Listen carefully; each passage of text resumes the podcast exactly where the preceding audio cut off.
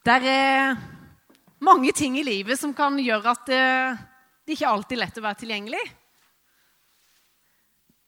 Hva vil det egentlig si å være tilgjengelig? En mann han skrev faktisk det på Facebook for en stund siden. Så skrev han det. Hva er det å være tilgjengelig? Han fikk eh, over 60 ulike svar. Kan du høre noen av dem? En sa det at eh, det å være tilgjengelig, det å svare på dette spørsmålet nå en fredagskveld. En annen sa at å være tilgjengelig, det å være online 24-7, og helst på Facebook, Twitter og Snapchat samtidig. Det å være tilgjengelig. En annen sa det at å være helhjerta til stede, eller å ikke ha så mye å gjøre at du ikke kan stille opp når livet plutselig skjer. Men heller ikke ha så lite å gjøre at du ikke gidder å stille opp når noe skjer. En annen svarte å ha mulighet til å gi slipp på sitt eget, sette andre foran seg selv i gitte tilfeller, være til stede og ha fokus på andre og være der når de har behov. Det var et langt svar, men det var mye klokt i det. Ok, da skal vi gå litt inn i Bibelen og se åssen Gud var tilgjengelig, åssen Jesus var tilgjengelig. Eh, jeg syns det er ganske lett å følge Jesus når han eh, er med i den historien om Bartimeus. Husker dere minste Bartimeus når han satt langs grøftekanten? Han var jo blind. Han trengte penger. Jeg tenker, kan tenke meg at Han hadde ikke noe jobb. Han var jo blind, det var ikke noe jobb for han, så han satt der og tigde og ropte etter penger. Og da kan jeg tenke at Det er lett å følge Jesus at han fikk medfølelse med Bartimeus. Han tenkte 'stakkar Bartimeus, han sitter der'. Det er jo ingen som bryr seg om han. Han har jo ikke noe greit i livet. Jeg kan lett følge Jesus der at han stoppa med Bartimeus og viste sin godhet til Bartimeus. Og dere som kjenner historien, vet jo at han gjorde han frisk òg. Der er det ganske greit å følge Jesus. Jeg tenker, ja, Der viste han godhet. Eller i historien når, eh, når Jesus hadde hele den folkemengden foran seg. Hele dagen der, Jeg ser for meg at det var kanskje steikende sol. Han underviste dem og snakka med dem. Men så var det jo bare det at etter hvert så ble de jo sultne. Etter mange timer så blir vi sultne, eller er det bare jeg som kjenner på sulten da? Nei, jeg tipper dere òg blir sultne etter å Hvis Svein Egil skulle ha talt her i mange timer, så tenker jeg maven hadde begynt å rumle litt på han òg. Selv om han trenger mat veldig lite i forhold til meg på tirsdag. Han sier det. 'Skal du ete nå igjen?' Men i hvert fall så var de der, og de ble sultne. Og jeg tenker Det var lett for Jesus å sette seg inn i hvordan det var for dem å bli sultne. Han tok de to fiskene og fem brødene til den gutten, velsigna det, og så ble det nok til over 5000. Og Jeg syns det er digg med de her gode historiene, når Jesus bare viser av sin godhet. Han ser medlidenheten med menneskene og viser av sin godhet.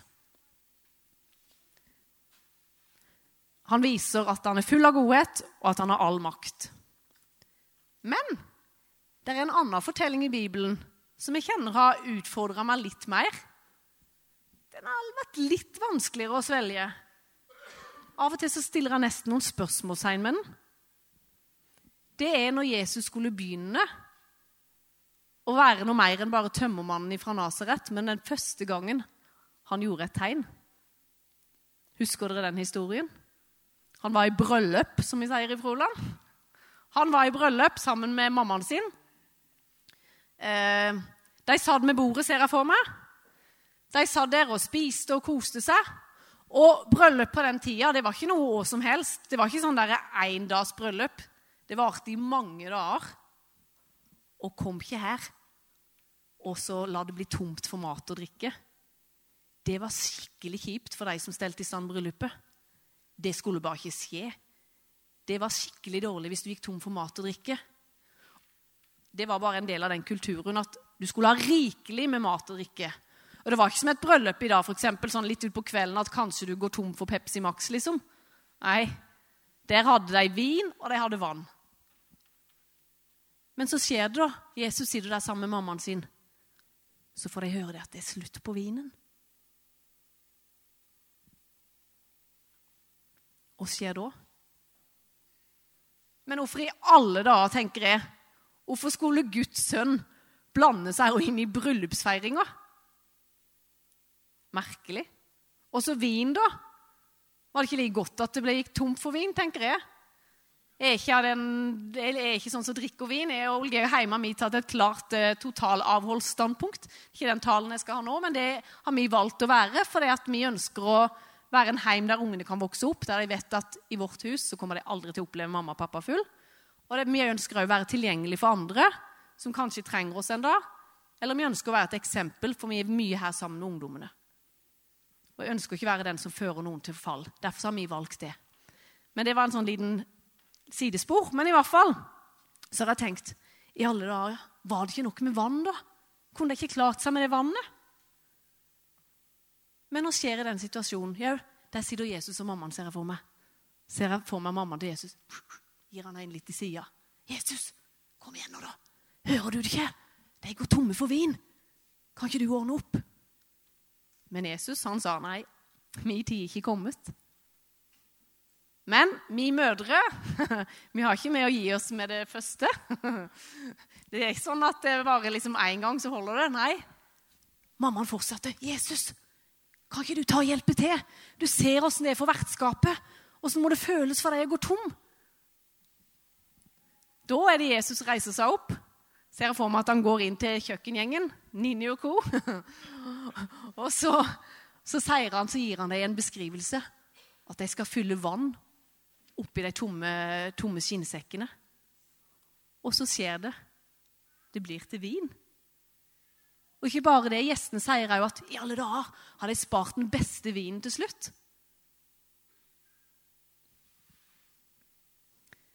Denne historien den har jeg måttet stoppe opp med, for den har undra meg. Når Jesus skal begynne å vise sin godhet i denne verden, så begynner han med å gjøre vann om til vin i et bryllup. Det er mye lettere å forstå de andre historiene. Hvorfor skal Jesus bry seg om denne verden, da? Her er det jo så mye som ikke er på stell. Hvorfor skal han vise sin godhet der? Han trengte ikke å gjøre det, men han gjorde det. Han valgte å vise sin godhet. Det forteller meg én ting som jeg har lært av denne historien. Guds godhet, den er ikke begrensa. Den er ikke tidsbegrensa, og den har ingen åpningstider. Guds godhet er tilgjengelig alltid. Den er døgnåpen. Og den dukker opp når vi minst beregner det, kanskje. Og når en ikke forventer det. Når en ikke beregner det og ikke forventer det, så er Guds godhet der. I Apostlenes gjerninger 10.38 så står det Eh, når apostlene skulle beskrive liksom hvem eh, oppsummere det Jesus hadde gjort, så sier de han gikk omkring overalt og gjorde godt. Tenk for en betegnelse å ha, da. Andre sier det at han gikk omkring overalt og bare gjorde godt. Tenk for noen ord å få av andre som beskriver han. Det var det de oppsummerte han med. Men i alle dager, hva er denne nøkkelen til Jesus sin godhet? da? Hva er det som driver han? Hvorfor, hvorfor vil han bare godt? Hvorfor gjør han bare godt? Denne godheten som av og til nesten virker litt unødvendig og i hvert fall utfordrende i mine øyne, kanskje ikke dine, men i hvert fall kjenner det utfordrer litt, og det er nesten litt overdreven godhet. Kan en kanskje av og til tenke. Jau, jeg tenker det at Jesus han gjør det han ser Gud gjør. Jesus ser fars hjerte, han ser far, så gjør han det han gjør. Og så bringer han det inn i vår verden. Et tegn, et glimt av den virkeligheten Jesus brakte med seg ned fra Gud. Den peker mot Gud, hvem Gud er. Og I et øyeblikk så får vi, får vi se det at Guds kraft den forandrer noe her i vår verden. Gud virker gjennom Jesus. Og Noe av det som kjennetegner Gud, det er jo at han er god uansett. Av og til kan noen mennesker ha problemer med det og tenke at han er god uansett. Men Gud er god uansett. Så når Jesus redder et bryllup i Kanan, så peker det mot en Gud som er god uansett. Det er ikke bare noe han gjør, men det er noe han er. Han er god. Så tilbake til det spørsmålet med tilgjengelighet. Av og til så tenker jeg det er kanskje et spørsmål om Gud er tilgjengelig, men kanskje det er heller et spørsmål om vi er tilgjengelige. Stiller vi oss, stiller meg åpen, sånn som Jesus, og ser til Gud. Søker Gud, får input av Han, fyller meg med Han. Selv om kanskje ikke jeg syns at nei, i denne situasjonen her så er det ikke nødvendig å vise godhet. Nei, nei her, her det, der går grensa. Kanskje ikke når jeg syns andre fortjener det. Men Gud er ikke styrt av det. For Gud er bare god. Kan fravær av godhet av og til være, være det at vi ikke er tilgjengelige for å ta imot fra Gud? For Gud er jo god uansett. Men er vi tilgjengelige? Eh, en historie tenkte jeg på da. I første Samuel. Dere unge, husker dere Hanna? Hanna hun var, hadde fryktelig lyst til å bli mamma. Hun hadde så lyst til å få barn. Og hun tenkte så mye på det og var kjempelei seg og såra det hun ikke kunne få barn. Hun grein og var fortvila. Og mannen hennes han prøvde vet du, så godt han kunne å trøste henne. Ja, men er ikke, er ikke det er ikke jeg bedre for deg enn ti sønner, liksom? Han prøvde så godt han kunne. Men Hanna var skikkelig lei seg. Hun ønska virkelig å bli eh, mamma. Hvert år så står det når de skulle i tempelet, så var hun så fortvila og lei seg. Men et år, når hun var der i tempelet, så knakk hun helt i sammen. Hun begynte å grine og grine. Og så på en måte kan si det at Hun utøste hjertet sitt, altså hun tømte hele hjertet sitt. Snakka med Gud og sa alt det vonde hun bar på. Alle de såra hun hadde, alt det som var vondt og vanskelig for henne.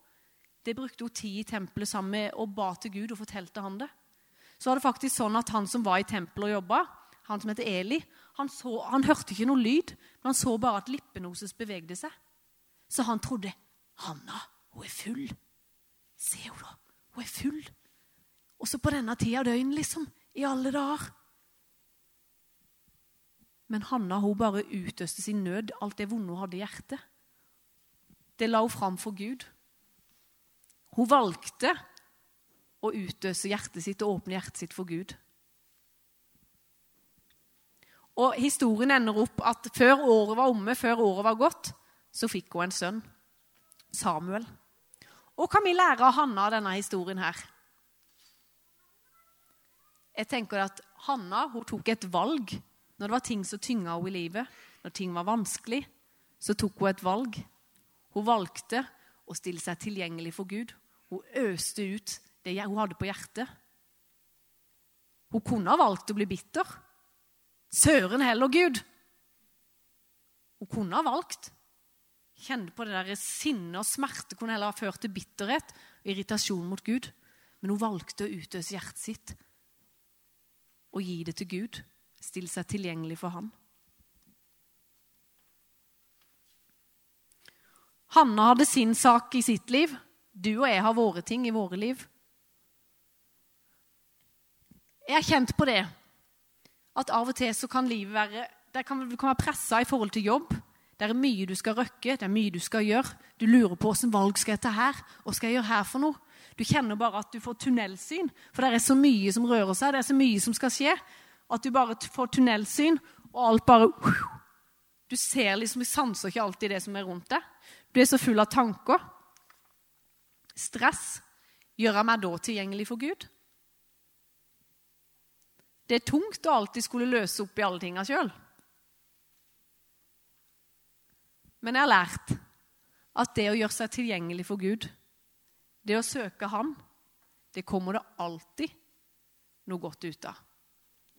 Det er ikke sikkert at alltid svaret blir sånn som Hanna, at du på en måte får en sønn, at svaret blir sånn som du har tenkt og du ønsker. Men jeg har aldri opplevd at når jeg velger å være sammen med Gud, være sammen med Jesus, så kommer jeg svikta ifra det møtet der.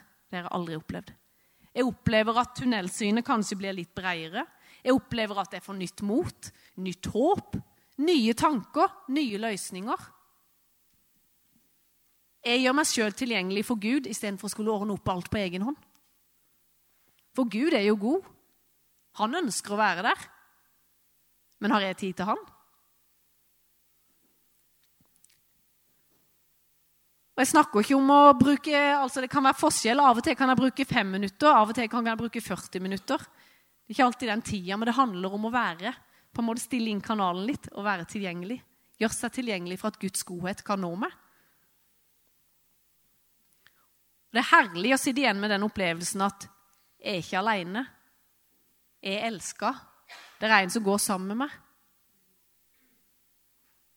Vi kan lære av Hanna hun brydde seg faktisk ikke om at Eli trodde at hun var full engang. Hun bare fortsatte, stilte seg inn for Gud og gjorde seg tilgjengelig for ham. Så har jeg et annet spørsmål. Hvordan kan du og jeg gjøre Guds godhet tilgjengelig for menneskene rundt oss i vår hverdag? Jeg tror igjen løsningen er at du og vi gjør oss tilgjengelig for Gud. Å være en mottaker, tømme hjertet vårt, være en mottaker og ta imot av all den godheten Gud har for oss, som vi igjen kan dele videre med de menneskene som er rundt oss. For menneskene rundt oss trenger å få oppleve godhet. Du og jeg kan være med å gi den godheten videre. Når du er sammen med Jesus, når vi bruker tid sammen med Jesus, så skjer det noe. Han får lov å berøre oss. Og han får lov å fylle oss med alt det gode han har, som vi igjen kan gi videre til andre mennesker. Og Gud, han har døgnåpent, som jeg sa tidligere. Alltid er han tilgjengelig. Ikke som i stykket her tidligere, som det var mye utilgjengelighet satt på spissen. Men Gud han er alltid tilgjengelig. Uansett hvor tid du skulle ha bruk for han, så er han der. Du og vi har selvfølgelig noen menneskelige begrensninger. Vi har ikke døgnåpent. Men kanskje vi kan la oss utfordre litt på åssen vi er tilgjengelige overfor andre mennesker av og til. Kan hende at Iduns var glad i joggeskoene sine her. Kanskje når hun måtte sjekke i kalenderen sin eh, flere ganger og eh, finne ut at kanskje om 14 dager en tirsdag så kunne Erik få en liten prat. Og helst mens de jogga òg, for det likte hun godt. Det kan hende at av og til vi trenger å bli utfordra litt på vår tilgjengelighet og for andre mennesker. Her For noen år siden så ble jeg bøtt i en bursdag. Og Det var ikke en vanlig bursdag, det var en skikkelig fest. Festbursdag. Og jeg kjente at før jeg skulle i den bursdagen, så måtte jeg bruke litt tid sammen med Jesus og måtte be for de menneskene som skulle komme der. Sånn at ikke jeg bare så når jeg så de menneskene, at ikke bare så alle ølflaskene eller alt spyet eller alt det negative.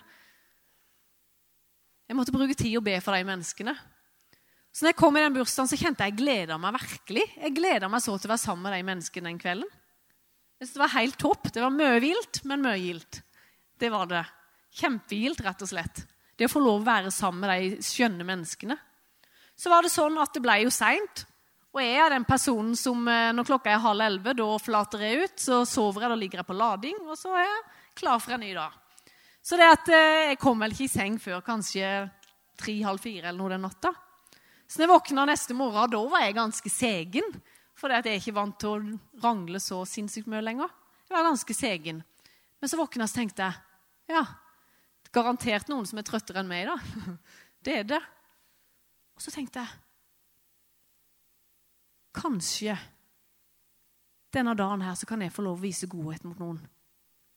Jeg vet at der nede etter den festen, der er det mye å rydde på. Der er det mange flasker og spy og i det hele tatt. Så begynte jeg å sysle med de tankene. Og så kjente jeg plutselig bare en glede med å få lov å kunne sette meg i bilen, for jeg kunne jo faktisk kjøre bil òg dagen etterpå.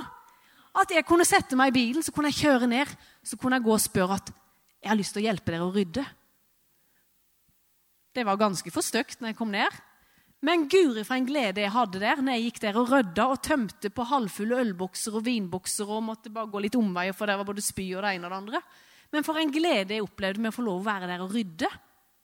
I meg sjøl sånn, liksom sånn, så er det ikke akkurat det er ganske kresen. Det lukter krekslig, for å si det rett ut.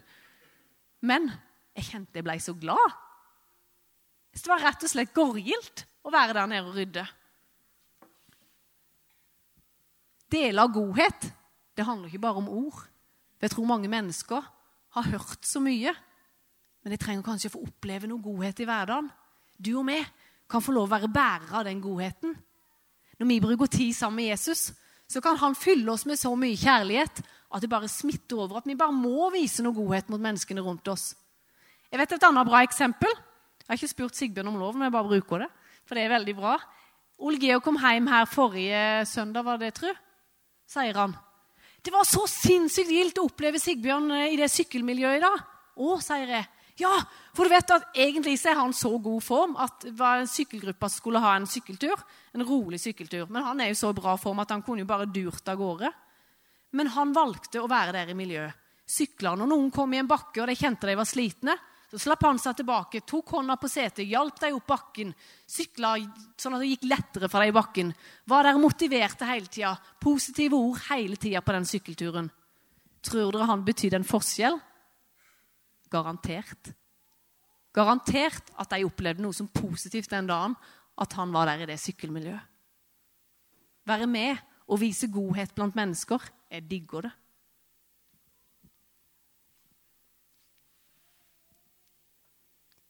Jeg vet ikke åssen du har det i ditt liv, men vi kan få lov å tømme hjertene våre for Gud og gjøre oss tilgjengelige. Så kan Han komme og gi deg nytt håp, nye tanker, nytt mot. Gud er her. Gud er tilgjengelig i kveld. Så er det sånn skal jeg, skal jeg, Nå skal jeg snakke og gjøre noe samtidig. Det var ikke lett. Går det an å sette den oppi her, Jan Det er ganske resent mikrofonstativ. Det er sånn at Hvis jeg vil ha meg litt å drikke Jeg er fryktelig glad i vann. da. Hvis jeg vil ha litt vann å drikke, så er det jo fryktelig dumt å helle den veien der. Du er ikke mye for oppi koppen. Det er jo ganske, ganske mye bedre å snu koppen den veien. Så får jeg adgang til alt det der deilige vannet som jeg bare kan fylle meg med og kjenne at mm, Det gjør godt. Det er godt. Det er et bilde på åssen du og vi kan gjøre oss tilgjengelige for Gud. Han har jo så mye godt for oss. Han er full av det. Og det er åpent bestandig. Velger vi å gjøre oss tilgjengelige? Au, rett i tennene.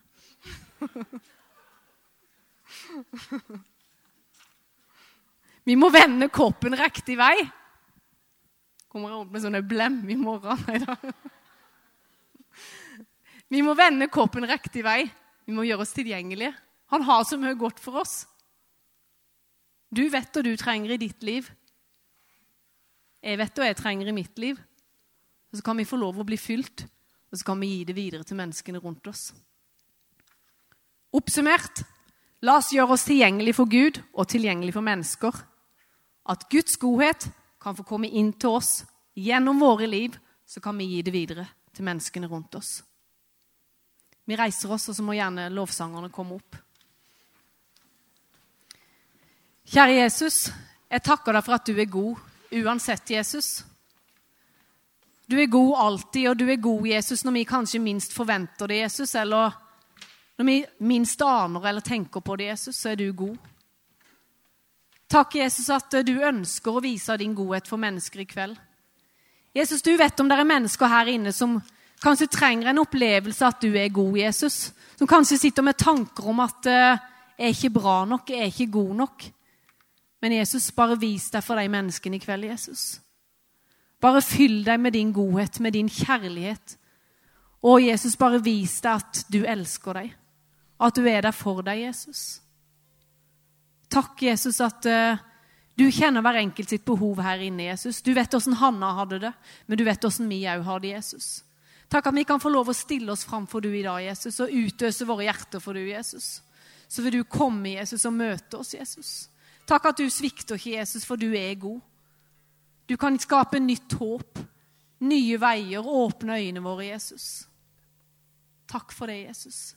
Jeg bare ber om at du skal komme med din hellige ånd nå, far. Røre Jesus med både barn og voksne. Og bare vise deg stor for oss, Jesus. Takk igjen, Jesus. Takk igjen, Jesus, for at du er god. Amen.